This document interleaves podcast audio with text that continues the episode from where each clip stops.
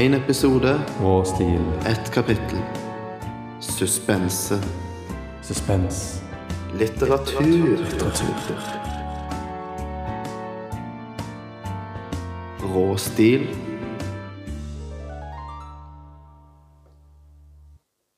Og da var vi samlet her til det siste kapittel i Pæresjøens uendelig lange Ikke uendelig, men lange saga. Vi har også med oss eh, Johanna i eh, dag. Sitter, eh, sitter litt Hei. bak der. Der er hun. Ja. eh, det er greit å bare vite det, for det er da hvis hun eh, dukker opp med noen kommentarer underveis eh, Men har en sånn eh, Hva heter det? Side Nei, back, backseat driver. Backseat driver. Jeg gleder meg i hvert fall til uh, å presentere dette uh, kapittelet. Ja, det er jo du, du har skrevet, Martin. Og du, det, det, eh, det jeg har hørt gjennom Jungeltelegrafen, er at det er et eh, ille langt uh, chapter. Det er et ille langt uh, chapter, det er helt riktig. Det Og- er uh, faktisk uh, lengden Altså, det er Jeg lurer på at det er dobbelt så langt som noe jeg har skrevet, hvert fall. Og også lengre enn noe du har skrevet. Ja. Så dette blir en lang episode. Mhm. Um, men jeg har prøvd å liksom veve det hele sammen. Vi har fått kommentarer på plot holes. Plot holes. Uh, og det har jeg prøvd å gjøre noe med, Mm.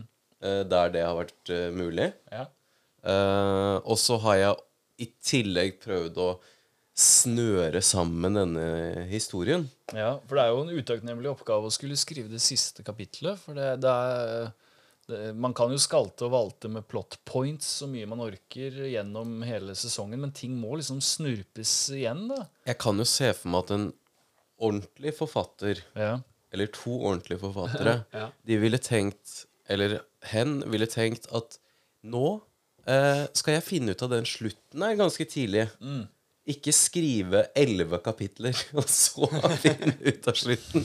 Sette punktum rett før po- podden er i gang. Men jeg, ten jeg tenker at det, det er det som gir det litt nerve, da. Ja, Det blir som en, eh, det blir som en improvisert jazzforestilling. Når du aldri vet helt hva som Det er noen formulariske greier der. Det En er slags liksom uh, jazzmusikal, kanskje. ja, Ja.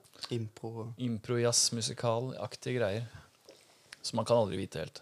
Jeg har jo vært på forfatterkurs hos Gro Dale. Ja. Og oh. hun sier jo at du skal jobbe sånn som dere gjør. Er Bare det sant? skrive, skrive, skrive, og så se hva dere gjør med det etterpå. Mm. Så dere har gjort en riktig ting der, tror jeg. Så kanskje Gro Dale sier at ja, vi gjør det riktig nå, skriver det siste kapittelet, og så kan vi gå tilbake og, og, og snekre litt på det. Og det er jo det som er planen, Martin. Fordi jeg har hørt rykter om at du har tenkt å gi et lydbok. Altså, jeg liker at det alltid er jeg som skal gi ut lydbok. Det er ikke oss som skal gi ut lydbok. ja, dere burde jo, burde jo tatt uh, hver deres stemmer, da.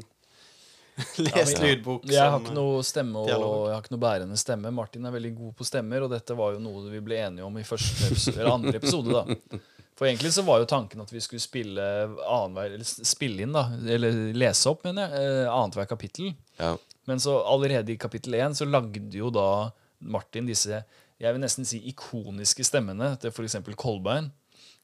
Uh, og eh, det hadde liksom ikke blitt jeg, tror- jeg tror ikke det hadde blitt en supersuksessen det har blitt. Nei, ikke- uten, uh, uten at Martin det- var stemmen, da. Ja, det er litt sånn Tre nøtter til Askepott-suksess. Det er jo det som er hele sjarmen, liksom. Mm. Ja. Han er også litt uh, one trick pony på Ja. stemmefronten. Mm. Så jeg, Så det er ikke en dårlig ting, det. nei det, Det kan nok bli eh, på nivå med Tre nøtter til Askepott. Ja. Ja, det. At det er liksom Generasjoner vil høre den podkasten her. Ja. Det tenker jeg også. Um, jeg føler nesten at vi må begynne. Okay. Det er litt fordi at jeg gleder meg eh, til å lese det her. Uh, men også fordi at det er så innmari langt. Mm. Uh, jeg har ikke gitt kap Eller jeg har gitt kapitlet tre navn, men jeg har ikke lyst til å lese navnene. Nei, riktig. Fordi jeg føler kanskje vi må lande på navn til slutt. Ok. Høres lurt ut. Greit. Rapport dag 97. Etter nærmere undersøkelser er jeg nå sikker på at min antagelse om steinene stemmer. De innehar en kraft så stor at de vil kunne velte verden. Og jeg har neppe funnet alle steinene ennå. Etter mine kalkulasjoner er det langt flere der ute i Fluvius-riket. Noen er skylt i land og er blitt funnet, og har blitt funnet av intetanende som er solgt til videre på markeder rundt om i Pæresjøens rike, til sånne som meg for en slikk og ingenting. Andre har blitt bevart som dyrebare skatter, men det er altså, etter mine beregninger, langt flere der ute, med varierende egenskaper. For øvrig synes det for meg at disse steinene er manifestasjonen av verdens motstridende krefter, og fremfor alt det gode og det onde. Dr. Marcos Silem satt krokbøyd over almanakken og noterte så blekket sprutet. Ved siden av skrivebordet sto et langt, smalt bord med reagensrør fylt med serum i alle regnbuens farger, som luktet av både søtt og bittert på en gang. Mannen fant, Mannen fant fram til et forstørrelsesglass og lente seg over et titalls små, fargerike steiner som lyste sterkt mot ham. Han smilte lurt og la fra seg forstørrelsesglasset, lukket den lille almanakken og klappet hendene sammen. Jeg kan ikke vente med å fortelle brioche om hva jeg har oppdaget. Mumlet han begeistret for seg selv, samlet opp de fargerike steinene i en pose av fiskehodekamelskinn og gikk ut av rommet og ut i den lange gangen. Nesten hoppende av iver danset han nedover gangen med små cha-cha-cha-skritt. Oh boy. Oh boy. Cha-cha-cha-skritt. Hvor har vi hørt det før igjen? Ja, hvor har vi hørt det før? Hva var det han hette nå igjen? Marco Marco Silem. Marco Silem. Marco Hva er det baklengs? Hmm. det har skjedd Så fort! Ja, Den, den, hadde, den hadde, var ikke, jeg, var, ikke- jeg var ikke ikke så Jeg var ikke der enda. Neida. Marco Vi Silem. kan, kutte, eh, kan klippe ut det, da. Nei. Nei, det er morsomt, det. det er morsomt. Ja, den kan, du- den kan lytteren tygge litt på. Du kan du også tygge litt på, Jonas, hvis du sliter med hva det er baklengs. Eh, nå har jeg fått det med meg, men eh, pokker skinn og bein. Jeg lurer på hvor lang- lang tid jeg hadde brukt, for jeg liksom var ikke i den modusen der. Han åpnet døren til et lyst og lett innredet soverom. I midten av rommet sto en seng med hvite lakener omkranset av et lyst nett for å hindre bitt fra iltre blodsugere i sommersesongen. Det lå en kvinne i sengen. Ved siden av sengen sto en liten krybbe. Doktor Marcos Selim Si- Silem er det vel, kanskje? Salem. Silem. Doktor Marcus, ja. Gikk bort til krybben og smilte til barnet som lå der og sov. Han satte seg ned på sengen ved siden av kvinnen. Hun sov ikke. De store, brune øynene var vid åpne, og det var tydelig at hun tenkte så det knaket. Det ene øyelokket hang litt, slik det alltid gjorde når hun var sliten. Brioche camembert sukket tungt. Tøff dag, sa doktor Marco Silem og smilte. Huff, ja, sa Brioche og sukket. Hadde jeg visst at det var så tøft å være keiserinnen, hadde jeg aldri tatt jobben da de spurte. Brioche satte seg opp i sengen. Det flammende røde håret var satt opp i en knute. Doktor Silem lente seg mot henne og ga henne et kyss på kinnet. De kunne ikke valgt en bedre keiserinne, sa mannen og slang på den blonde hestehalen så den fløy som en slange i luften. Hva er det som plager deg, elskede? sa doktor Marcus Silem. Faen, du. Hva sier doktor Silem, da? Ok.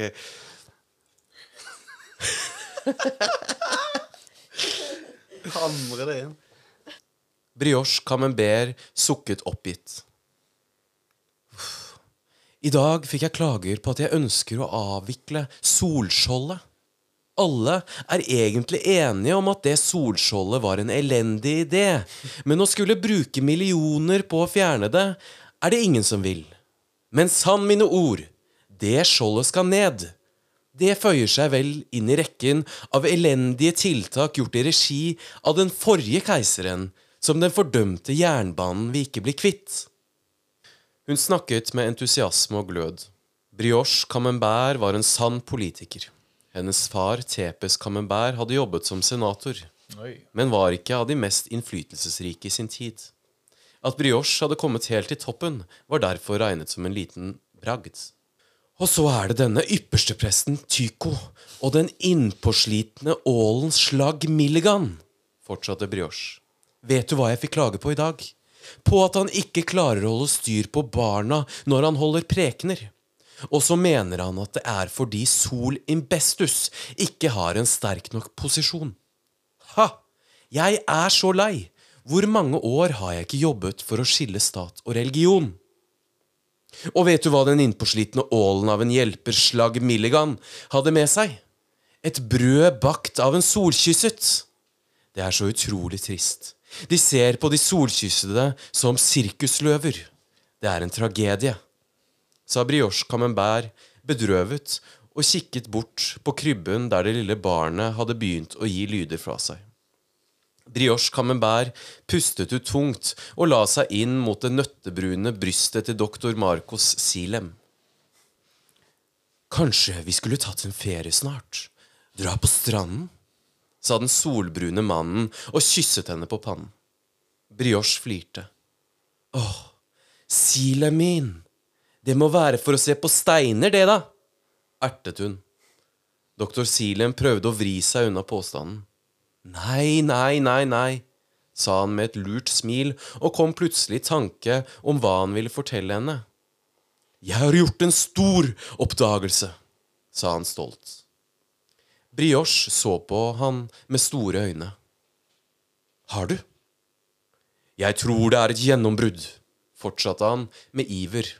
Krakk! Det er lyden av et brak. Krakk. Lyden av noe som knustes utenfor, avbrøt tankerekken til doktor Marcos Silem. Doktor Silem. Barnet, som hadde ligget våkent og gryntet for seg selv, begynte nå å gråte. Brioche Camembert la hånden mot pannen og ristet på hodet. Hva er det nå, da? freste hun. Doktor Silem kunne ikke la være å dra en smule på smilebåndet. Keiserinnen hadde alltid hatt et temperament, og faktisk var det en av hovedgrunnene til at han forelsket seg i henne i utgangspunktet. Brioche Camembert så på han unnskyldende. Jeg tar han. Gå du, sa doktor Marcos Silem.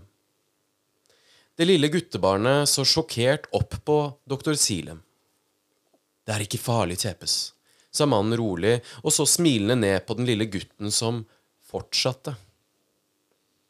Som fortsatte.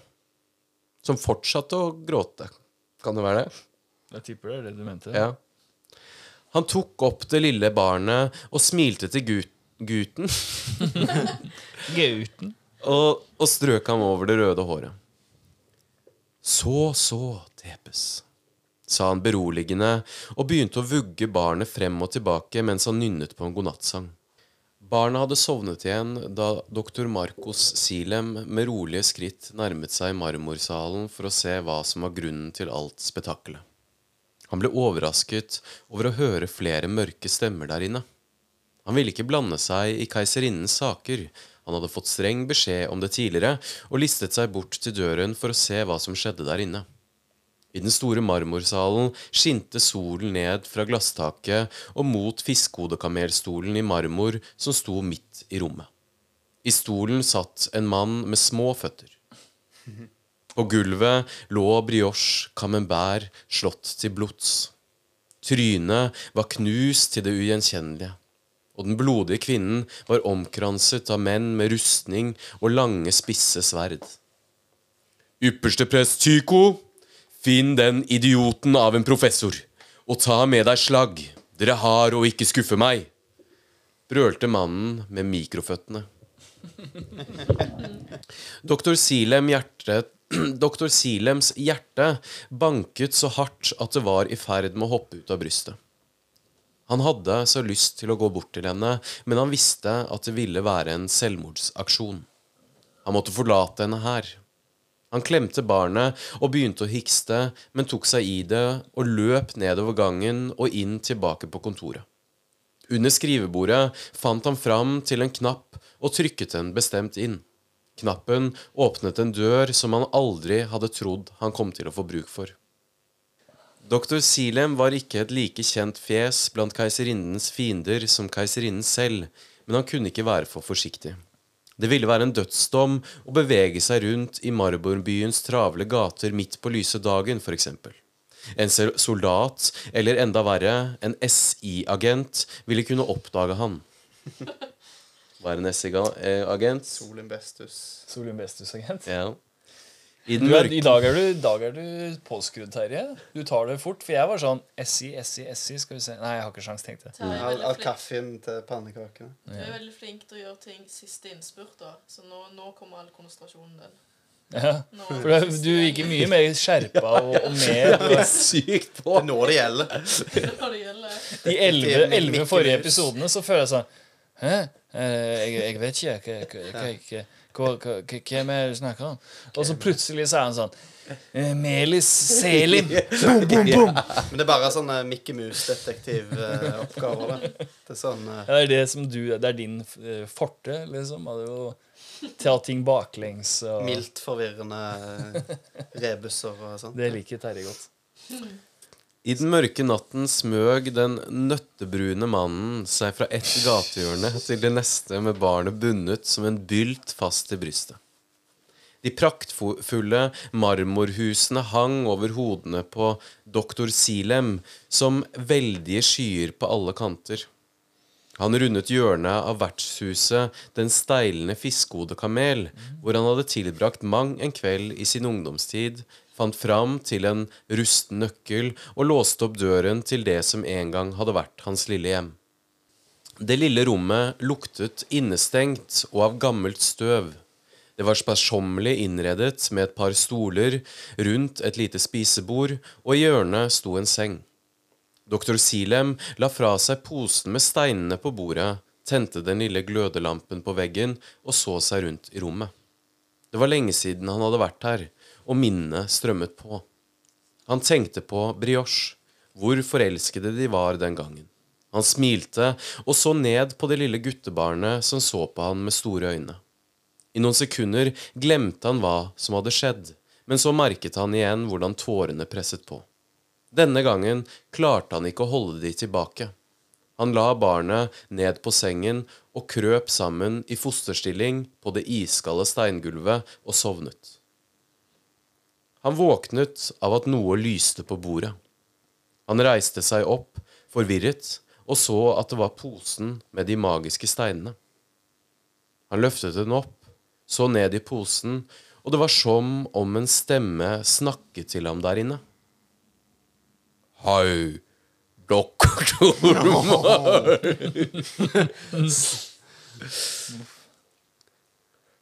Hei, doktor Marco Silem, sa den dype stemmen.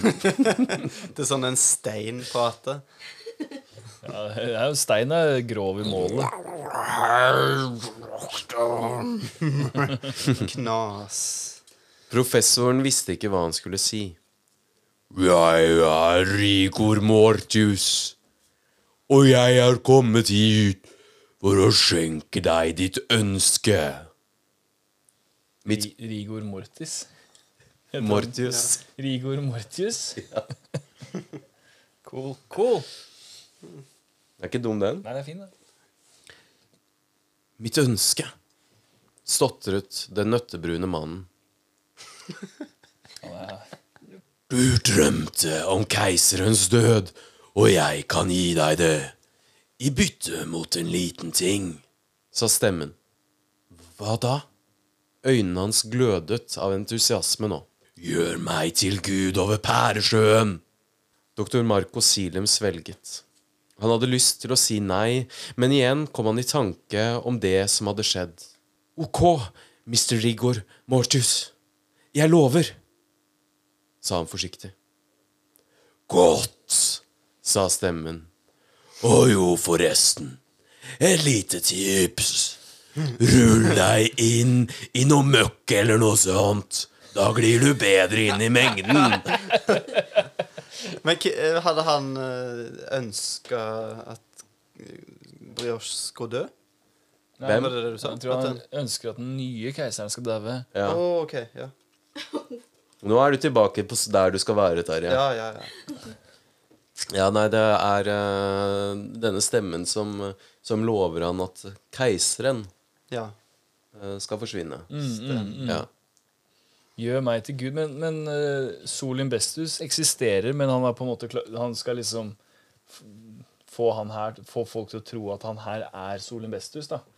Ja, Vi vet jo ikke om Solim Bestus eksisterer, da, men åpenbart at i hvert fall Solim Bestus Det har vi jo snakka litt om eh, Ja. tidligere kapitler, at det er flere guder, da. Ja, også, mm. Men, men Sol, jeg mente ikke eksisterer. Jeg mente Solimbestus tilbes, siden du har den SI-tjenesten og sånn. Ja, det er jo tydelig. Det Men, jeg men de vil at denne kraften, da, hva enn det er for noe, skal liksom ta Late som den er Solimbestus som tilbes. Det kan jo tenkes. Det, er- det er sånn jeg tolker det, i hvert fall. Ja. At jeg vet ikke med deg, Terje. Ja, At det er en, eh, det er en konkurrerende kraft som eh, Ja. vil ta Ja, vi vet jo ikke om Sol Vestus fins i det hele tatt, men vi vet at de tilber han. Og her kommer det en slags sånn jævel uh, dette, dette er magi Uh, Kommer en jævel fra sida. En jævel fra sida. En satan, liksom. En liten Satan, en liten frister. En Lucifer. Med ønsker og triks uh, istedenfor bønn og frelse, liksom. Jeg fortsetter. Ja. Carry on. Den neste dagen kokte doktor Ma Melis Nei. Oh shit. Katta ut av, katta ut av sekken. Den neste dagen kokte doktor Marcos Silem opp en stor gryte med hestefiskolje. Han rev tak i den blonde hestehalen og bustet i håret så det sto ut i alle kanter, tok en saks og klippet av store tjafser med hår før han smørte det inn med stekefett. Nice. Så tok han den kokende oljen og kastet det i trynet så huden ble skållet og rødmusset. Til slutt fant han frem noe gammelt utbrukt tøy han hadde liggende.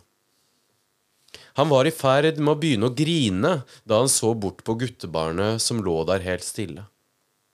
Doktor Silem gikk bort til gutten og så på sønnen og smilte. Han lente seg ned for å gi gutten et kyss, men skjønte straks at gutten ikke sov. Hjertet banket ikke. Noe var alvorlig galt. Men hvis hjertet ikke banker, så er jo noe jævlig gærent. Da er han dau, da. Like. Men, like. Like lå stille. sa du like? Nei. Nei? Babylike. Men hjertet banket ikke. Hjertet banket, kanskje hjertet banket Ja, for hvis hjertet ikke banker, så er han død. Og da, Hjertet banket unormalt uh, svakt, da. ja. Ja. Han lente seg ned for å gi gutten et kyss, men skjønte straks at gutten ikke så, Han lente seg ned for å gi gutten Altså for å gi like et kyss. Kysser Han kysset like. For å gi det lille barnet et kyss. Lille like.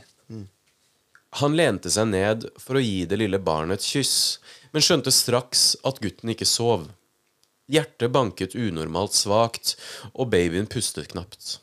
Noe var alvorlig galt. Oh boy. Doktor Silem løp som en galning opp til nærmeste legekontor, som kunne fortelle at det eneste som kunne hjelpe, var konsentrert hestefisklever, og, tilbud, og tilbød en brukerdose til 10 000 drakmer. Selim, som hadde lagt igjen pengepungen i palasset, løp gråtende ut i gaten. Hjelp gutten min! Han dør! Han dør! Forbipasserende så forskrekket på den ekle mannen, bortsett fra en tenåringsjente med lilla hår. Men kan det være Terje? TV-publikum klapper. Ro deg ned, sa hun. Så klapper de. Sånn som når Dolly Parton dukker opp på Hannah Montana. Jeg skal hjelpe Faen deg! en referanse, der. Ja, det er ikke dum, den her. Den unge kvinnen hørte på Selims kvaler og ønsket å hjelpe ham. Senere samme kveld befant han seg i en militærbrakke på leit etter konsentrert hestefisklever. Følg meg! sa den lillahårede engelen. Doktor Marco Silem smilte mot henne, men gleden var kortvarig. For like bak jenta sto nå en høyreist admiral med alpelue og muskuløst fjes, som før han visste ordet av det, hadde tatt fra ham både guttungen og friheten og sendt ham til Arnestad for å leve i elendighet. Count Mikroman, min favorittkarakter! Count Mikroman, ja! Mikroman. Doktor Silem labbet av gårde med to vakter på hver sin side. Fange! Hørte han plutselig admiralen med det stramme, muskuløse ansiktet si bak ham. Hva heter gutten? Tepes, herre sør. Han heter Tepes etter sin bestefar, sa doktor Silem og kom plutselig i tanke om den røde steinen som lå i lommen. Den var den mest spesielle av de alle, syntes han. Han rev seg ut av grepet til vaktene og løp opp til admiralen og ga ham steinen, før vaktene tok ham hjem, tok ham igjen og la han ned i bakken. Ferdig med den delen. Jævlig bra. Eh, men nå skal vi i hvert fall eh, til eh, present time. Yes. Trekløveret, Sanett Magasin, Kent Mikroman og Tom Bobsen løp som gale mot reaktoren. Snart var det som om de kunne ta på den arkitoniske styggedommen. De stoppet opp da de så den store porten, bevoktet av sterke menn med svære økser. Pokker skinn og best! Nok et hinder! vrælte Sanett Magasin. Hva gjør vi nå, da? Kent Mikroman så opp på Sanett og gliste. Han tok av seg den blå alpeluen og rettet seg opp i ryggen. Det svette mannetrynet piplet av svettedråper tykke som saus.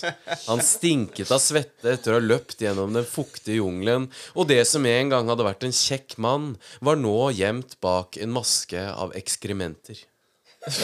Oi. Sanett Magasin så ikke noe bedre ut. Det lille håret var fettete og sto i alle kanter. Hun så ut som en uteligger.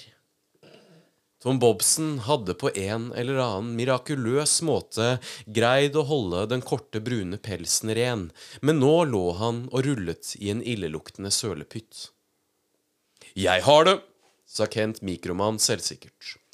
Vi lager en enorm fiskehodekamel med hjul som vi gjemmer oss inni. Så ruller vi ned åsen, Oh boy. så ruller vi ned åsen og bort til porten. Dette har aldri skjedd før i denne verden. Nei. Er. Portvokterne vil tro at den enorme fiskehodekamelen er en gave sendt fra Solimbestus himself. Vel inne er det bare å krype ut av det svære pukkeldyret og angripe fienden, sa Kent Mikroman selvsikkert. Sanett skulle til å le, men det håpløse forslaget til Kent Mikroman gjorde henne så irritert at hun ikke klarte. Kent, du er pen å se på, men noen ganger gjør du lurt i å holde tåta. Hvordan i alle dager tenker du at vi skal få bygd en fiskehodekamel nå? Dessuten er ideen så passé, sa Sanett så spyttet sprutet, men den saftige kritikken hindret ikke Kent fra å komme med nok et forslag. Ok, ok, hør nå. Vi sniker oss inn ved å utgi oss for å være noen andre enn de vi egentlig er. For eksempel kan jeg være keiseren, sa Kent Mikroman flamboyant, rettet på den blå alpeluen og åpnet en knapp på flanellskjorten så det tjukke brysthåret tøt ut. Eller kanskje du vil være keiserinne? fleipet Kent Mikroman og blunket til Sanett Magasin. Sanett holdt på å sprenge av raseri. Spar oss for de dumme vitsene dine, Kent! sa hun syrlig. Tom Bobsen var ferdig med å rulle i møkka og satt nå på rumpa ved siden av det umake paret og logret forsiktig med halen. Umake par-bingo. Da er det bare å ta en slurk med øl. Ja, det er sant. Men Ja, denne vil gangen er det Sanett og Kent Mikroma. De er umake par. Ja. De er jo de litt umake, de, da. Ja, de er umake. Ja. Det er jo det denne boka skal hete. Umake. De umake parene. De umake. Det er jo et kapittel som heter det, i hvert fall. Det første kapitlet heter 'Det umake paret', og det nest siste kapitlet heter 'Mange umake par'. Så Tom Bobsen er i hvert fall ferdig med å rulle i møkka og sitter nå og logrer med halen. Muskelmannen sin idé er ikke så dum. Eller Den første er idiotisk. Men den andre er ikke så altfor gal. Sa den langsnutede hunden sarkastisk. Kent lyste opp triumferende. Selv om det vil være idiotisk å utgi seg for å være keiseren, selvsagt. Keiserens føtter er langt mindre enn dine, Kent. I tillegg vil det muskuløse fjeset ditt avsløre deg på få sekunder. Nei, vi må være listigere enn som så. Tom Bobsen trakk på det. Spenningen var til å ta og føle på. Hva ville superbikkja finne på? Ideen er enkel, men den kommer til å funke, sa Tom Bobsen endelig. Jeg vil nå utgi meg for å være en ganske alminnelig kjøter, og ikke bare det, en alminnelig kjøter som har blitt bitt av en slimsprutende krepskenguru og pådratt meg rabies.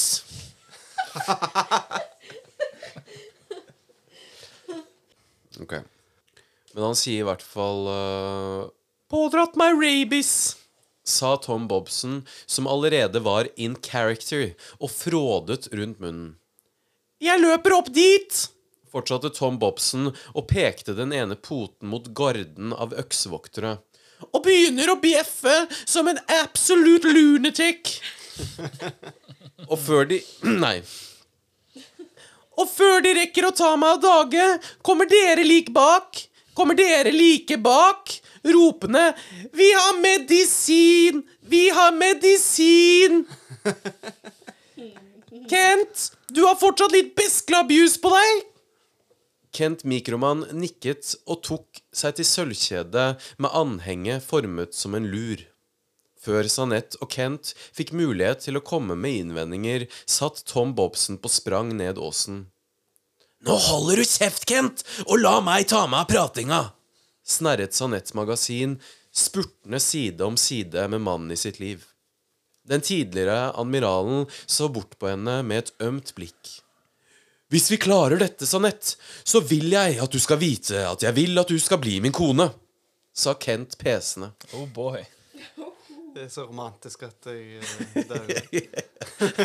Jeg vil at du skal vite at jeg ønsker at du skal vite at jeg vil at du skal bli min kone. Han er ikke så talefør, denne uh, forhenværende admiralen. Nei. Nå har boka fått en ny tittel. Det skal hete 'Mannen i mitt liv'. Ja. Den boka om dem, i hvert fall. Ja. Sanette kunne ikke la være å bli sjarmert av den dumme mannen, men hun, hadde, men hun hadde ikke tid til romantikk nå. Slutt med det der, og vær stille! Stopp i Solimbestus navn! ropte det som måtte være troppløytnanten. Han var den mest korpulente av dem, men likevel hadde han de strammeste klærne. Han bar slimfit jeans og en tettsiktende turtleneck i en størrelse mindre enn han egentlig trengte. Tom Bobsen løp med aggressiv snute opp til troppen som bevoktet porten. Med faretruende bjeff og aggressiv knurring fikk han soldatene til å ta et par skritt tilbake. I posisjon! kommanderte løyt løytnanten, og soldatene løftet de svære øksene til svar. Stopp! vrælte Sanett Magasin. Det er keiserens hund! Mannen som skulle til å kutte den rabiate bikkja i to, stoppet øksebladet rett ved hodet til Tom Bobsen. Holdt! vrælte løytnanten, som nå sto ansikt til ansikt med Sanett Magasin og Kent Mikroman. Den er, peset Sanett. Syk! Meget syk, herre sør! Løytnanten med de tettsittende klærne så på henne med en forskrekket mine. Men så må den da avlives! Hvem er egentlig dere? Brummet løytnanten skeptisk og strammet seg opp så det knaket i jeansen.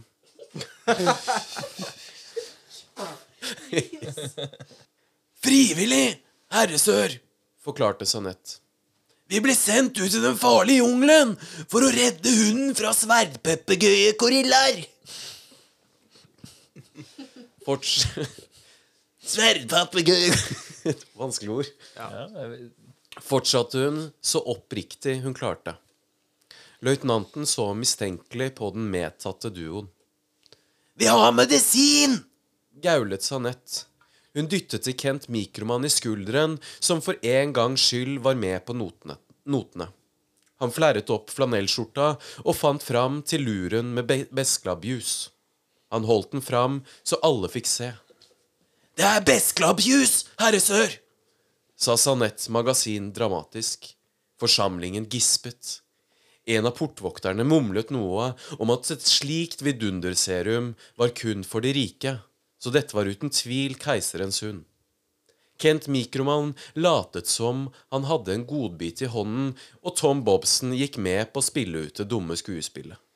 Han la seg på rygg og åpnet kjeften Nei, åpnet porten til det lange nebbet, har jeg skrevet. Porten. På rygg og åpnet porten til det lange nebbet. Det er helt tøft. Mye kulere, det. Ja. Syrlig, tydelig smak av epler og anis. Sviske, men med en god finish, tenkte Tob Bobsen da de edle dråpene landet på tungen. Han satte seg opp i en tankefull positur, fascinert over den utrolig mangefasetterte smaken. Port portvakterne Portvaktene brøt ut i jubel og hyttet med de store øksene i været. Det virket! Besklabjusen virket! En av øksemennene ble så glad at han supet kråke, og en annen lagde pantomimeshow som han mye senere i livet ville gjøre stor karriere på og vinne mange priser for. Sanett og Kent Mikroman sto og så på forfjamset. Hva skjedde nå? hvisket Kent Mikroman, og Sanett Magasin så på han med store øyne og ristet rolig på hodet. Aner ikke. Ta med hunden til keiseren, straks! beordret løytnanten, og et par menn ropte med babystemme til Tom Bobsen, som lystret velvillig og fulgte etter. Da Sanett Magasin og Kent Mikroman skulle til å følge etter, ble de holdt tilbake av to bittesmå hender. Opp, opp, opp, opp, opp. Hvor har dere tenkt dere? Sa Blir de dummere og dummere jo lenger inn de kommer? Dum, dum og dummere. Ja, vaktene? Ja, Ja, ja, de blir det. Plipp, plopp og plomme. Det er liksom motsatt. Man har satt de dummeste til å bevokte det viktigste. Ja. Sa løytnanten, som ikke var det spor interessert i svaret. Dere blir her på bakkenivå inntil jeg har fått sjekket om det virkelig stemmer at dere er frivillige. Men hunden! Keiseren sa han ville gi oss en belønning! Prøvde Sanett seg. En belønning? det tror jeg ikke før jeg får se det. Sa Det er en slags Det er en slags kolbein med dyp røst og ikke helt Max Mekker. Det er det. Sa han og vinket til seg en av sine undersåtter. Sett dem i arbeid! kommanderte løytnanten. Tom Bobsen så på Sanett Magasin med blanke øyne. Det dyriske hundeinstinktet i ham ville forsvare henne. Han ville bite den korpulente løytnanten i rumpestumpen, men det rasjonelle i ham visste at det var en dårlig idé. Han så seg fremover og fortsatte å følge etter portvokterne som hadde fått ansvaret for å ta ham til keiseren. De hvisket og tisket seg imellom. Hørte du hva som skjedde med den forrige keiseren? Han ble visstnok maltraktert av en liten gutt, sa den ene av dem. Tepes! tenkte Tom Bobsen. Tom Bobsen er jo blitt en aktør, altså. Tom Bobsen er blitt en aktør. Han var jo ikke noen aktør tidligere. Han var jo mer eh, bare en dum hund. Ja, Men det var hele viste seg å være et spill for galleriet. han, han viste at han kunne freestyle-rappe i forrige Det åpna, Kapittel. åpna nye dører. Så For å da si sånn. føler jeg at han eh, faktisk må spille en litt større rolle enn en han gjør. OK. Er ni redo? Ja. Åh, Langt, langt under bakken, i et skittent og dunkelt fangehull, satt Kolbein og Snebb lenket fast til hver sin tykke kjettingtråd og uten mulighet for å røre på seg. En fangevokter sto utenfor den låste døren. Til tross for den håpløse situasjonen var det umake paret i godt humør. Selvfølgelig er det et umake par. klart det er umake. Umake-bingo. Ta en slurk. Ja. Kolbein, la oss ta et skip er lastet med, foreslo jenta med det spisse fjeset. Kolbein ga et entusiastisk nikk til svar. Jeg, jeg tror vi har kommet til P. Du kan begynne, sa Snebb. Mitt skip er lastet med mm. Jo, jeg vet det. Pannekaker. Mitt skip er lastet med pannekakesnebb. Kolbein og Snebb smattet ved tanken, men fantasien ble avbrutt av små dansende fotskritt som nærmet seg døra til fangehullet. Inn spankulerte doktor Melis. Professoren hadde tatt på seg kakishorts i tillegg til den hvite frakken han alltid hadde på. Han gikk tett opp til ansiktet til Kolbein. Ånden stinket av gammel hestefiskgrøt. Var det noen som sa pannekaker? sa professoren og slikket seg rundt munnen. Han gjorde et par cha-cha-cha-skritt og gikk i gang med å gjøre the pancake dance, som hadde vært en trend for noen år siden, men som ikke var det lenger. Snebb og Kolbein hevet øyenbrynene og hånlo. Fy flate, så cringe! Smalt det fra Kolbein. Kolbein kan ordet cringe. Det tror jeg ikke noe på. Han kan cringe. Professor Melis er altså litt ute av touch. Ja, han er ikke Han, er ikke, han, har, han har sett en trendy dance, han, og så uh, har han bare holdt seg til den. Det er som at han dabber, da. Eller Gangnam Style. Gangnam Gangnam Style. Er den jeg tenkte på. Ja. Pancake dance. The pancake dance. Og by the way, du burde bytte navn fra Dr. Melis til Dr. Elefantiasis. Ertet Kolbein Nei, ertet Kolbein. Du har noen tømmerstokker av noen bein. Det var cringe. Snebb Snebb lo så hun holdt på å kveles. Og hold tåta! Nei, det er ikke sånn Dr. Melis snakker. Det er, hvordan er det han snakker? Eh. Uh, Hold tåta! hylte Dr. Melis. Han så ned på kakishortsen med sinne i blikket. Hvorfor måtte vel han velge den akkurat i dag? Tenkte han. Hvorfor det? Tiste han på seg? Mm? Nei, for han har, uh, han er, han er flau over at han tømmer tømmerstokkbein. Og det er derfor at han blir kalt for elefantiasis. Ok. Doktor Melis tok seg sammen og gikk igjen tett på ansiktet til Kolbein. Det er noe jeg vil vise deg, Kolbein. Det gjelder din ektemann, sa doktoren. Kolbein svelget. Hva har du gjort med han? Du burde takke meg, Kolbein, sa professoren med lav stemme. Han tok fram en pose i fiskehodekamelsskinn og helte ut innholdet på den støvete bakken. Flotte steiner i alskens vakre farger skinte mot dem. Er de ikke vidunderlige? sa doktor Melis med begeistring. Kolbein og Snebb nikket på automatikk, fortryllet av de magiske steinene.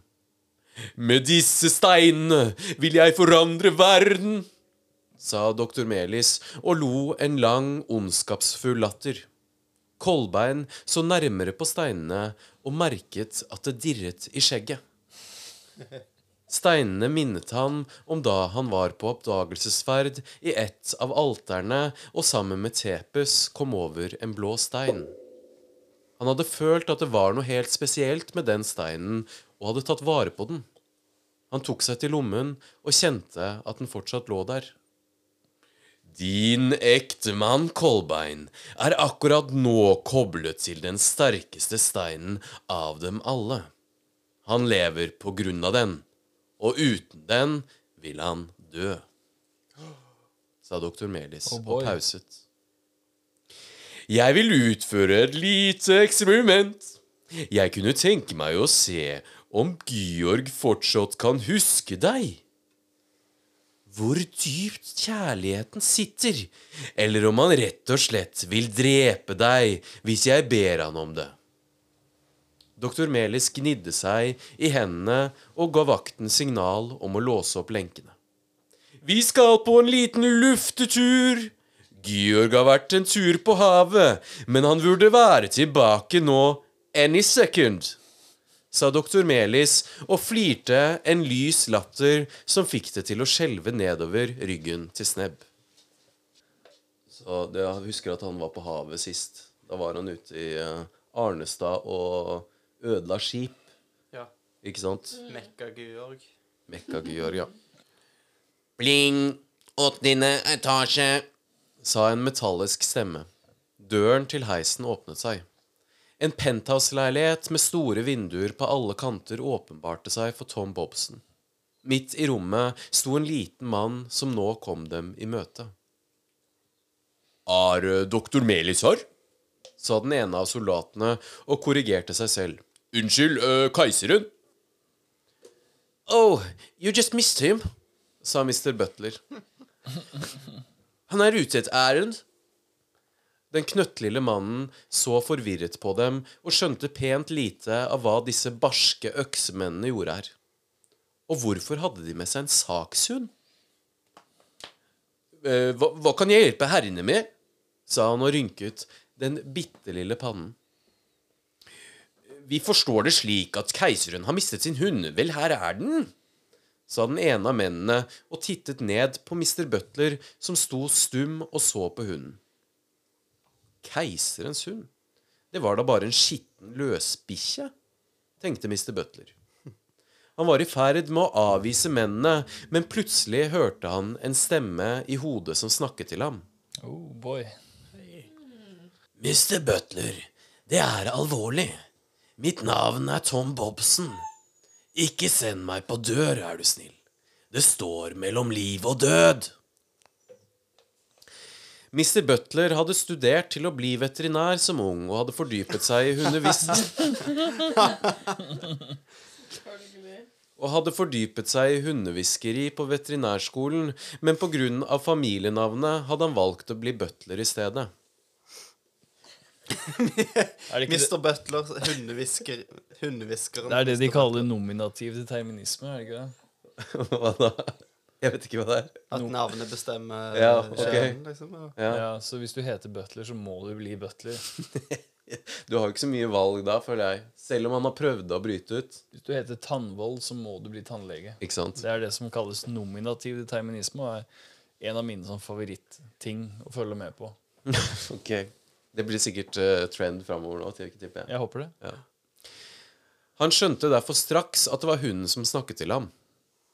Han rettet seg opp og åpnet armene mot hunden. Kom da, Tom Bobson! hvisket Mr. Butler så høyt at hunden foran ham begynte å logre med halen. Tom Bobson stormet ut av heisen og hoppet mot Mr. Butler. De rullet rundt på gulvet, og Tom Bobson slikket Mr. Butler i ansiktet. Øksemennene smilte forlegent og takket for seg. Så snart heisen lukket seg, stilte Tom Bobson seg opp og sa Er det en gutt som heter det? Tom Bobson dro på det. Plutselig slo det ham at han sto foran en alliert av keiseren. Kunne han stole på den knøttlille mannen? Du kan stole på meg, Oi, så enkelt. sa, sa Mr. Butler tilforlatelig. Han hadde selvsagt hørt tankene til Tom Bobson. Mr. Butler følte med seg selv at hunden var, kjent, var sendt som en reddende engel fra Sol Imbestus himself. Han hadde sverget på tro og ære å stå ved doktor Melis sin side, men galskapen ville ingen ende ta. Professoren hadde alltid vært litt eksentrisk av seg, men det å dope ned en gutt, det var å trekke det litt langt, syntes Mr. Butler. Tom Bobsen fullførte setningen. Er det en gutt som heter Tepes her? Mr. Butler lyste opp. Han viste vei inn til kjøkkenet. Ved et lite bord satt Tepes og spiste hestefiskgrøt. Tom Bobsen logret med halen da han så den deformerte skapningen med rødt, krøllete hår. Hei, Tepes! prøvde Tom Bobsen seg. Tepes så åndsfraværende på ham, og halvveis i svime og med grøt som tøt ut av den vanskapte munnen, sa han med groggy stemme. Vove, vove, vove, vovsen. Hva er det med han, da? Tom Bobsen så spørrende på Mr. Butler. Han er kraftig medisinert, forklarte Mr. Butler bedrøvet. Det er meg, Tepers! Tom Bobsen gikk nærmere og pekte den lange snuten tett opp til det deformerte ansiktet, men øynene til Tepes var like livløse. Vovve, vovve, vovve, vovsen, stammet Tepes. Ok, nok piss, sa Tom, Cut the crap. Cut the fucking crap. sa Tom Bobsen oppgitt. Vi må få han til å si John, John, hundemannen John, samtidig som han trekker i halen min. Har du et siste triks i ermet, lille mann? Han har blitt skikkelig fet, eh, Tom Bobsen. Tom Bobsen er kulest i hele serien. Ja, det sa Tom Bobsen med desperasjon i stemmen. Mr. Butler så forfjamset på Tom Bobsen, men han skjønte at det ikke var tid til spørsmål. Han spurtet ut av rommet, og få sekunder senere kom den knøttlille mannen tilbake med en stor, knitrende pose. Han stakk en av de små hendene ned i posen og løftet opp en håndfull søte fritter. Lokkemort? smilte Mr. Butler lurt. Tepes hadde fått øye på godbitene og var i ferd med å grabbe til seg en av de søte frittene, men Mr. Butler oppdaget det i, det siste, oppdaget det i siste liten. Husker dere det? Fritter. Fritter, ja. Det er en sånn godte, godtegreie det, i Slepstad. Eller Pæresjøen. da. Han trakk til seg hånden og så på Tepes med en streng mine som begynte å hylgråte. Men det var tydelig at det var tilgjort, og bare for å røve til seg godteriene, for han roet seg raskt ned, fortsatt med blikket på de søte frittene. Hvis du vil ha godbit, Tepes, må du ta hunden i halen, sa Mr. Butler. Og så må du si John John, hundemannen John. Tepes lystret umiddelbart. Den zombielignende gutten klatret ned fra stolen og tok tak i halen på hunden. John, John, hundemannen John, snøvlet han. Fucking yes. Et kraftig vindkast pisket over øynene til Mr. Butter, og med et veldig rabalder smeltet kroppene til Tepes og Tom Bobson inn i hverandre. Kent Mikroman og Sanett Magasin hadde fått hver sin enorme sekk full av marmor på ryggen og labbet av gårde mot den store reaktoren. Hva gjør vi nå, Sanett? sa Kent Mikroman bekymret. Tomsing, ser du ikke at jeg prøver å tenke her? Kent Mikroman så nærmere etter og la merke til at pannen til Sanett Magasin var tykk av rynker. Det var tydelig at Sanett tenkte så det braket i pappen, tenkte Kent Mikroman. De ble stående og se på hverandre sånn. Sanett Magasin i tanker om hva de skulle gjøre, og Kent Mikroman tenkende på hvor mange rynker Sanett hadde i pannen. Han skulle til å begynne å telle rynkene da han plutselig kjente en nerve vri seg i smerte på ryggen. Han så bak seg og så en gubbe løfte en hestepisk i været. Latsaber! brølte trollet, og snart fikk Sanett Magasin også kjenne piskens vrede. De fikk fart på seg, men ble overhalt av en liten dame med myke eh, Av en liten dame med myke trekk og øyne som smilte mot dem. Bak henne småjogget en mann med furete ansikt. Han hadde en caps av semsket lammeskinn på hodet. Snilp, vent da! Du tar livet av meg med det tempoet ditt. Det blir ikke dessert bare fordi vi er ferdig først, bare mer marmor. Stønnet mannen. Kvinnen så bak på mannen og smilte. Frank, da! Jeg ville bare hilse på nykomlingene. Var det sånn det var? Det var ikke helt sånn. Var det sånn, eller var det Bergen Nei, Snilp var det. ja. Snilp er Bergen. Er det Bergen? Nei, det, Ag Agbadur var Bergen. Ag Agbadur er Bergen. Hva var det, hva var det du hadde nå? Nordlending. Ja, jeg tror det stemmer. Ok. Ja. Jeg kan ingen dialekter, jeg. Kvinnen så bak på mannen og smilte. Franke, da. Jeg ville bare hilse på nykomlingene. Kvinnen med de myke trekkene henvendte seg mot Sanette og Kent. Jeg så dere fikk et ublidt møte med pisken, sa hun empatisk. Jeg heter Snilp, og han bak der er Franke. Franke tok av seg capsen og stakk fram en hånd. Hyggelig å møte dere, sa han. Sanett Magasin følte at hun kunne stole på kvinnen som kalte seg for Snilp, og bestemte seg for å gå rett på sak. Vi ser etter den sol... Vi ser etter den solkyssede. Vet dere hvor han er? Snilp så på henne med vantro. Tepes. sa hun med skjelvende stemme. Ja, kjenner dere han? sa Kent Mikroman. Det kan, kan ikke stemme. Mumlet Mumlet Det kan ikke stemme! Mumlet kvinnen for seg selv. Det var som om hun var i transe der hun gikk ved siden av dem. Kan ikke stemme. Sanett Magasin gikk nærmere kvinnen for å høre hva hun sa. Hun snakket så lavt. Jeg, jeg var læreren til han Tepes. sa hun og så på Sanett med store øyne. Å, vi må hjelpe dem, Franke. Og han Tepes svarer så skjønne gutt. Hvordan går det med han? Kent Mikroman tok ordet. Nei, akkurat nå går det ikke særlig bra. Vi mistenker at han er hos en gal mann i et eller annet tårn her etter et sted. Overhørte noe snakk om det, skjønner dere. Smalltalk, på en måte. ja, Det er litt, det er litt smalltalk nå. Vet dere hvor han kan være?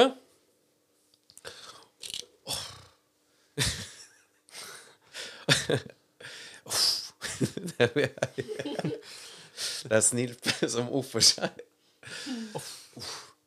Åh, det må være han doktor Melis, det. Han var visstnok en ganske vanlig fyr som oss, og ble sendt hit for å drive slavearbeid i sin tid. Men han har jobba seg oppover. Helt opp dit. Snilp pekte opp mot himmelen, langt der oppe ved siden av toppen av reaktoren, omkranset av menn med propeller, kunne de ganske riktig skimte tårn, og på toppen av tårnet en penthouse-leilighet med vinduer på alle kanter. Det må være der, det er jeg fakta helt sikker på, sa mannen som kalte seg Franke. I det samme det furete mannetrynet avsluttet setningen, hørtes et enormt brak, og selv om de sto langt unna, kunne de se at noe knustes der oppe. Ut kom et beist. Franke fant fram pipen med Franks urt og tok et dypt magedrang. I think shit's about to go down. Sa han og pustet ut røyken. Ja, det er nå det smeller. Fangevokteren holdt et godt grep om Snebb og Kolbein. Foran spradet doktor Melis, som var i ferd med å åpne en dør. Han stoppet litt opp og så seg tilbake da et veldig smell slo mot døren. Doktor Melis tittet bort på Kolbein og Snebb og hylte i ekstase. Hva er det han har gang i nå, den godeste Mekka-Georg? Han kan være en liten rabagast noen ganger. Det høres ut som det rene ragnarok der ute. Ruller greit på r-ene nå? Og ragnarok var det. Doktor Melis dyttet til døra så den åpnet seg med et bang. På den store plassen løp det folk i alle retninger. Reaktoren var i fyr og flamme, og folk hostet og forsøkte å finne ly for den sorte røyken. En liten kone med pukkelrygg hadde fått en pil i øyet og gråt. Nei, stakk. En liten kone. En liten kone. Selvfølgelig hadde du pukkelrygg til. Ja. Så Pil i øyet. Herregud. Som hun ikke hadde nok å stri med. Bare grein. Hun brøt liksom ikke Ja. smerte. Nei, det, er- men sånn er de i krig. Ja, det er jo det. Så jeg må jo skildre det er ekte. Det var så brutalt at det var moro. Skikkelig bra. Jeg er faktisk ikke ferdig med beskrivelsen. Nei, okay, kjør. yes. Eh, en liten kone med pukkelrygg hadde fått en pil i øyet og gråt med skjærende babystemme.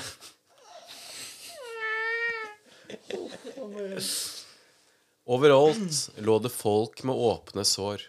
Innvollene tøt ut som ketsjup, og hele plassen stinket av tarm. Ja, for meg, det. Barnebok, dette, om natta. Sov godt. ja, ja, ja. Doktor Melis så likblek opp på den blå himmelen. Der oppe svevde en muskelbunt av et vesen med brun pels og snute, men med et menneskes lemmer og øyne. Det røde håret var ikke til å ta feil av. Det er hundemannen John! utbrøt Kolbein og pekte mot pulikanen. Pelikan? Pulikanen? ja. Ja. Ok. Er det uh, mekka... Nei, altså Det er Bobsen halvt og- hund, halvt hund, halvt menneske. Det er en pulikan. Det er en pullikan, ja. Eh, så, jeg har vært og sett på mytologiske vesener. Ketaur er jo på en måte vanlig. Ja. For eksempel at du har en hest og at eh, Men pulikan, det er også da eh, brukt. Hund og Ja. Men det har ikke noe med en fugl å gjøre. Nei, det har ikke noe med det høres ut som pelikan. Ja. Ja. Eh, pekte mot pulikanen som var i full gang med å massakrere keiserens propellmenn. Ut av øynene til vesenet kom et blått lys som på få sekunder pulveriserte flere titalls flyvende soldater til rød gugge. Få sekunder senere regnet det rødt fra himmelen, og både slaver og fangevoktere måtte løpe i dekning for å unngå å bli skitne på klærne. ja. Skitne på klærne. Ja. Det, det må ikke skje. Eller det er en pil i øyet, sier jeg bare. Ja, bedre det. ikke krig, for det, blir så skitten. Andre verdenskrig var et helvete. Ja. Jeg ble så skitten på klærne. Første verdenskrig var verre, tror jeg. Ja. Da gikk du, løp du jo rundt med sånne Sånne Sånn skyttergraver. bajonetter og sånn.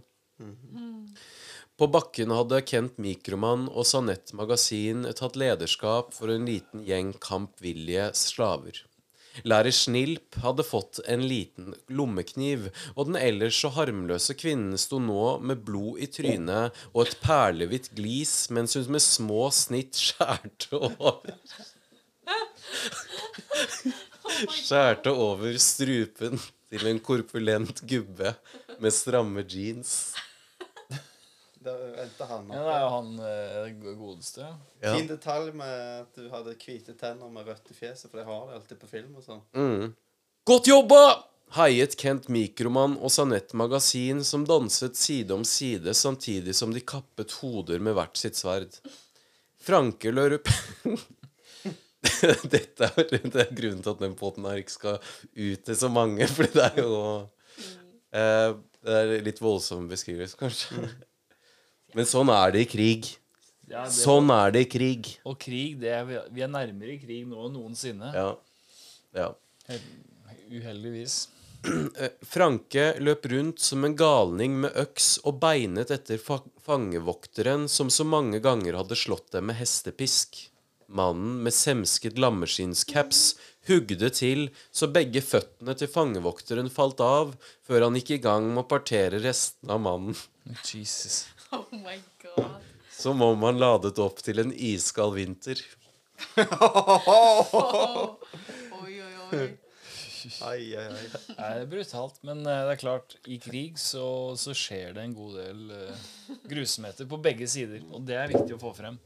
Hundemannen John var ferdig med å drepe flyvende soldater og hadde nå fattet interesse for dr. Melis. Han nærmet seg den rødmussede professoren da et uklassifiserbart objekt kom susende gjennom himmelen i racerfart. Svosj! I himmelhvelvingen syntes et mekanisk beist med vinger av marmor, rød gyllen rustning og en stor propell på ryggen. Selv fra avstand var ikke Kolbein i tvil om hvem det var. Det var Georg. Mekka-Georg. Mekka Georg. En, Mekka en uko. Mm? En uko. Hva er en uko? Et uidentifisert Nei, hva var det du sa for noe? En u... Identifisert objekt. Ja, Uklassifiserbart. En, et uko. En uko. Det er en uko, ja. Ja. Ja, nei, det er ikke dum, den. En liten uko. Du er på ballen i dag, du, Terje. Terje har aldri vært så på ballen som han er i dag. Hundemannen John snudde seg rundt for å se hva han hadde å gjøre med der oppe. Doktor Melis satt i et vanvittig latteranfall, og med et lite Ta han! kommanderte han Mekka-Georg til å angrepe pulikanen nede på bakken. Mekka-Georg skjøt gjennom luften, og med et smell slo det mekaniske beistet inn i hundemannen John, så det muskuløse skinnet ble kastet inn i den brennende reaktoren som nå begynte å krakelere. Hundemennesket forsøkte å løfte seg opp, men igjen suste Mekka-Georg inn i hundemannen John, så beistet smalt inn i reaktoren. Totempælen av et bygg begynte å rase sammen. Æda bæda! Hylo doktor Melis og tittet bort på Snebb og Kolbein, som var låst fast i fangevokterens jerngrep. De sto som lamslått og så på, men nå ga Snebb signal til Kolbein om at de måtte gjøre noe. Hun hadde lagt merke til at doktor Melis holdt i den samme posen med steiner som han hadde vist dem tidligere. Hånden var dyp nede i posen av fiskehodekammelskinn, og Snebb nikket til Kolbein, som nå tok til å kaste seg rundt som en blekksprut, så vakten fikk nok med å holde fast i den skjeggete gubben. Snebb løp så raskt hun kunne mot professoren og dyttet han over ende så de fargerike steinene ble spredd blant grusen på bakken. I det samme strålte et skarpt, blått lys ut av øynene til hundemannen John, så Mekka-Georg ble slengt veggimellom. Nå var det plutselig pulikanen som hadde overtaket. Idiot! hveste doktor Melis og forsøkte å samle opp steinene, men igjen var den rappe, røyskattlignende jenta der. Nå pekte hun korden hun hadde fått av Sanett Magasin mot nesetippen til doktor Melis. Overgi deg, sa hun. Jenta mi, sa doktor Melis og stirret Snebb inn i øynene. Hva er det du tror du har gang i? Ti, ti stille! smalt det nervøst fra Snebb. Igjen hørtes et veldig brak. Laserbeamen sto ut av øya til hundemannen John, rettet mot Mekka-Georg, som lå i ørska på bakken. Den høye lyden fikk Snebb til å miste konsentrasjonen, og i samme øyeblikk kjente hun at noe stakk henne hardt i mageregionen. Hun så seg nedover kroppen, og det var som om noe hadde gått lekk.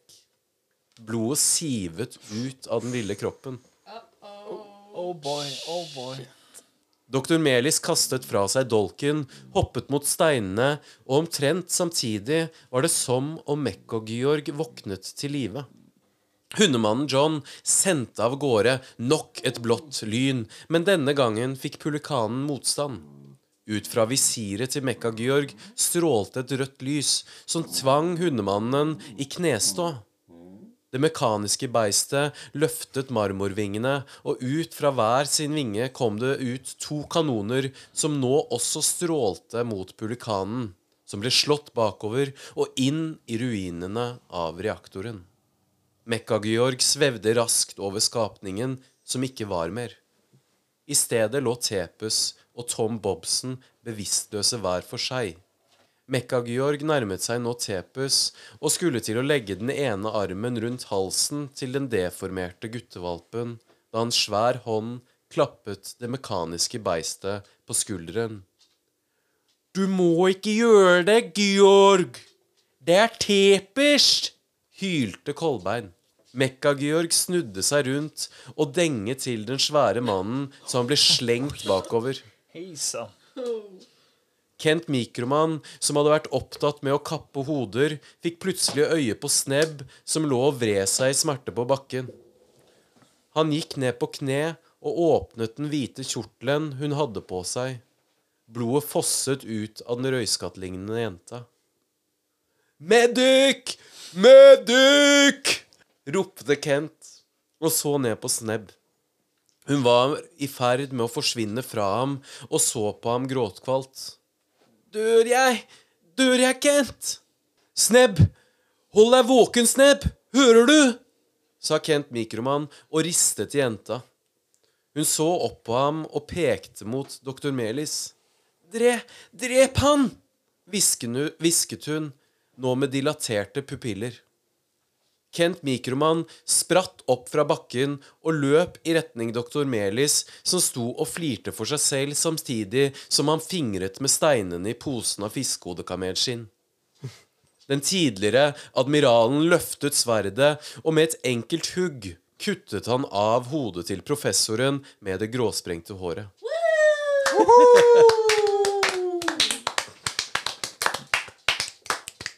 Well, 'em, boys. Vel, vel fortjent. Mission accomplished.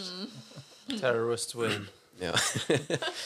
I noen sekunder løp doktor Melis rundt på plassen som en hodeløs høne, tilsynelatende på leit etter de fargerike steinene som lå spredd som glins mellom grusen.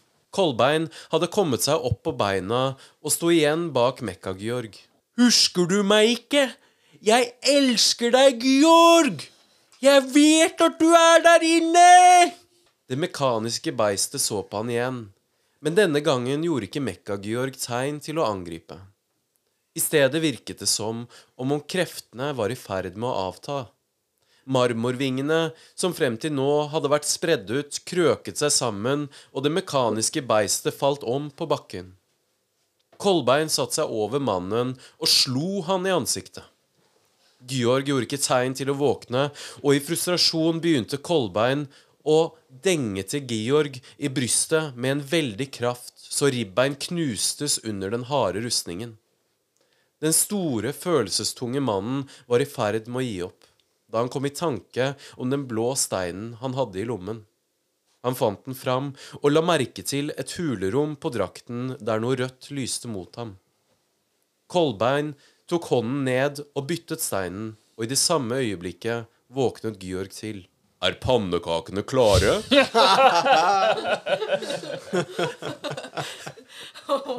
Smilte Georg. Å, mannen min! lo Kolbein og ga han et langt og indre kyss.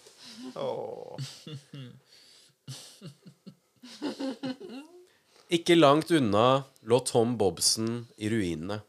Den vesle hundekroppen var ugjenkjennelig, knust av store marmorblokker. Sanett Magasin ropte og gråt og prøvde febrilsk å fjerne blokkene, men til ingen nytte.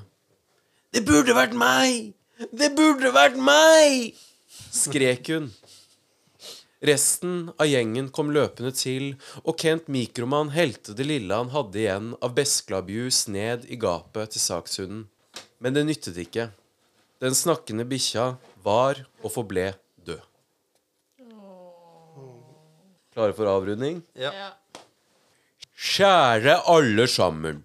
Når jeg i dag står foran dere som deres nye keiser, gjør jeg det med den største ydmykhet. sa Kolbein og så utover den store forsamlingen i marmorsalen. Utenfor, på det store marmortorget i Slepstad, hadde tusener møtt opp for å være vitne til den historiske begivenheten.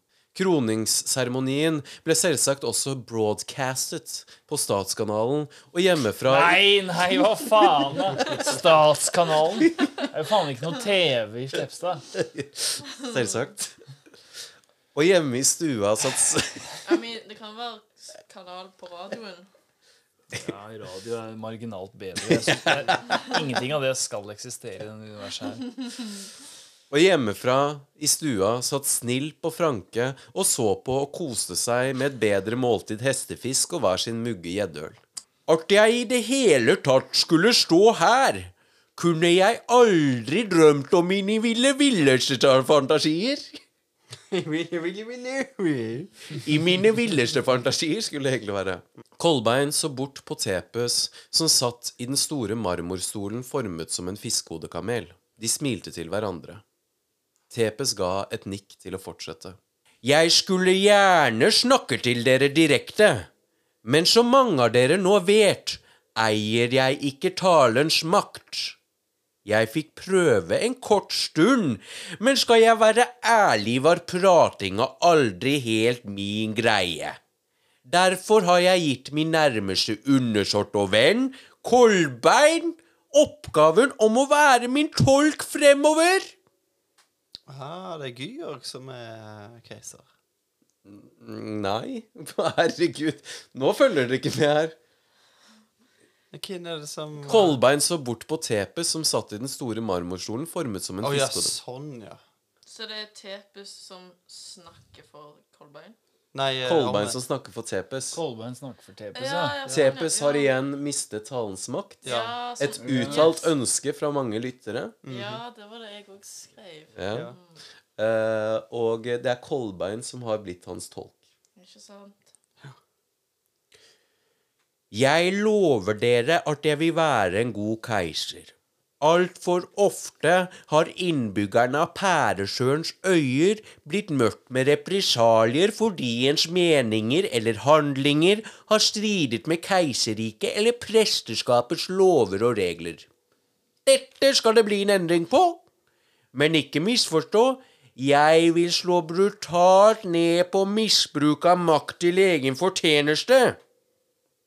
Tepe speidet rundt i rommet og sendte et lite nikk i retning representantene fra presteskapet. I stolene som tidligere hadde tilhørt Slag Milligan og yppersteprest Tycho, satt det nå to nye personer, som møtte blikket til Tepes og nikket med respekt og forståelse. Veien hit har ikke vært enkel, og vi har mistet mange på veien. I dag vil jeg hedre alle de falne. Kolbein stoppet opp og begynte å hulke så smått, så Georg måtte komme bort og støtte han opp. Han hadde fortsatt på seg en mekanisk drakt, en enklere utgave av den doktor Melis hadde laget, og som Georg nå brukte for å kunne utføre sine daglige gjøremål. Inni det lille hulrommet ved brystet lå fortsatt den blå steinen. I dag vil jeg hedre alle de falne. Fortsatte Kolbein og begynte å lese opp en lang liste med navn over personer hvis liv hadde gått tapt i det store slaget på Arnestad. Mine tanker går særlig til Jeanette Magasin. Tepers Oi, døde Sanette òg? Ja. Nei, mine tanker går særlig til Sanette Magasin. Ah, ja, mm. Tepes øyne møtte blikket til sjørøverdama med det lilla håret på første rad. Hun så på Tepes med tårer i øynene. Som mistet sitt mannskap i slaget om Arnestad. Pengt Robert og Jebbery, to av de helligste pirater jeg har møtt, og Katrine, en fantastisk kokke. Mine tanker går også til din mor, Jeanette. Uten Tamburita Magasin ville Pæresøen sett veldig annerledes ut. Til sist ønsker jeg å hedre Tom Bobsen, en enkel sakshund med helt spesielle evner. Sanett Magasin brøt ut i store hikst og hulk. Kent Mikroman la armen rundt henne og lot Sanett gråte på skulderen hans. Det hele gjorde et sterkt inntrykk på forsamlingen som satt gråtkvalt og så på. Bortsett fra den lille skapningen som lå i vogna foran dem. En liten jente med lilla hår og muskuløst fjes tittet ut og, lo, dem, og lo mot dem med en hes, smittende latter.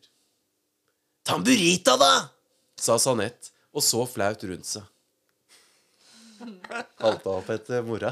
Nei, nei, det er fantastisk. Så det har gått i hvert fall ni måneder siden det slaget. Ja, det tok, Eller- tok seg litt tok, Hvis ikke hun var gravid. Eller kan hende kanskje, jo- kanskje ikke. Kanskje ikke. Det vet vi jo Ting ikke. tar tid, Ja. også i Slepstad. Hun løftet opp det lille barnet fra vogna og slang ut puppen så barnet fikk spise. Slang ut. Det må være lov. Og spiser skal vi også, Brummet Kolbein. For, fø for først og fremst vil jeg at dette skal være en festdag. Og dere der nede på bakken. Den blå bongen er hestefisk, og den røde er pannekaker. Og så kan dere drikke så mye gjeddøl dere orker. Hallo. Ja, dette er Jeg får en tåre i øyet, altså. Pannekakene, altså. Forsamlingen på plassen utenfor jublet og hoiet i kor. Arevare Tepes, Arevare Tepes. Eller kanskje dere tar den? Arvare tepes, arvare tepes. Nå ble de herligste retter stilt på det lange bordet som gikk som en pil gjennom rommet. Georg la lag på lag med hestefisk og pannekaker på tallerkenen. Godt fiskeår i år, hørsen er full, sa Georg og nikket til Kent Mikroman. Ja, men de forbanna marmorkrabbene, de ødelegger artsfloraen, sa admiralen og slo begge armene i bordet så gjeddeølen skvulpet. Tepes ga signal til Kolbein om at han hadde behov for å trekke seg tilbake. Sammen snek de seg ut av den store salen, ut i gangen og inn på et lyst rom med en seng med hvite lakener omkranset av et lyst nett for å hindre bitt fra iltre blodsugere i sommersesongen. I sengen lå det en liten person med en bok oppslått foran seg. Holberts memoarer, mine reiser sammen med Jerky M i Slepstads ville skoger, sto det med store bokstaver på forsiden. Sitter du og leser den boka igjen, Snebb? Jeg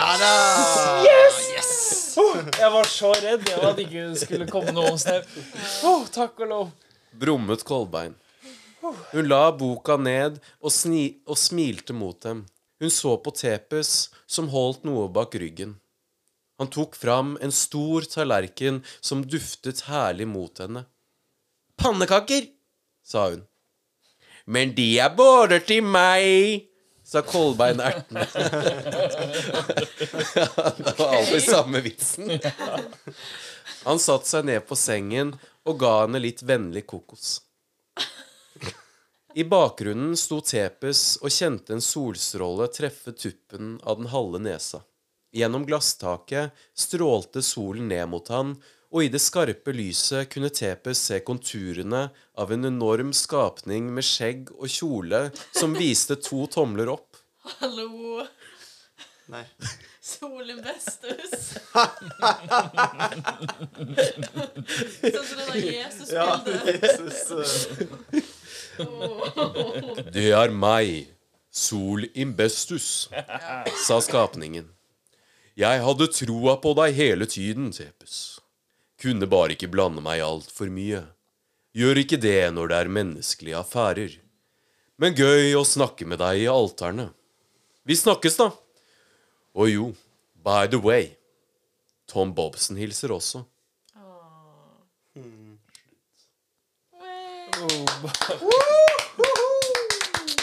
Wow. That's, that's, that's amazing. That's That's a fucking wrap. amazing. elegant. That's a wrap, boys. Yes. Uff. Så skulle vi bare gi en uh, Kapittelnavn. kapittelnavn. Og Det er du som skal finne på det kapittelnavnet, Terje. Så har jeg glemt ut. Eh, Kommer litt nærmere. Sånn Kom litt. final climb. Må Ja, må en sånn det- final ting. slaget om Slepstad. Slag om Slag om Slepstad, slag om eh, Ja. Nei, det er jo ikke Slepstad. Det foregår på Nei, ja, OK. uh, Angrepet på Arnestad. ja, Angrepet på Arnestad er bra. Angrepet Ja. på Arnestad er veldig på. Arnestad Ja. er kult. Er det sånn at vi kan si eh, Ellers så bare klipper vi det bort. Kommer det, kommer det kanskje et Artsflora-kart? Eh, Det kommer. ja. Artsflora-kartet kommer. For det, det er mange fantastiske dyr i dette universet. Vi har sett for oss et, eh, et, eh, et, et fin, en fin plakat. Ja. Og med det så tror jeg du skal eh, dulle oss ut.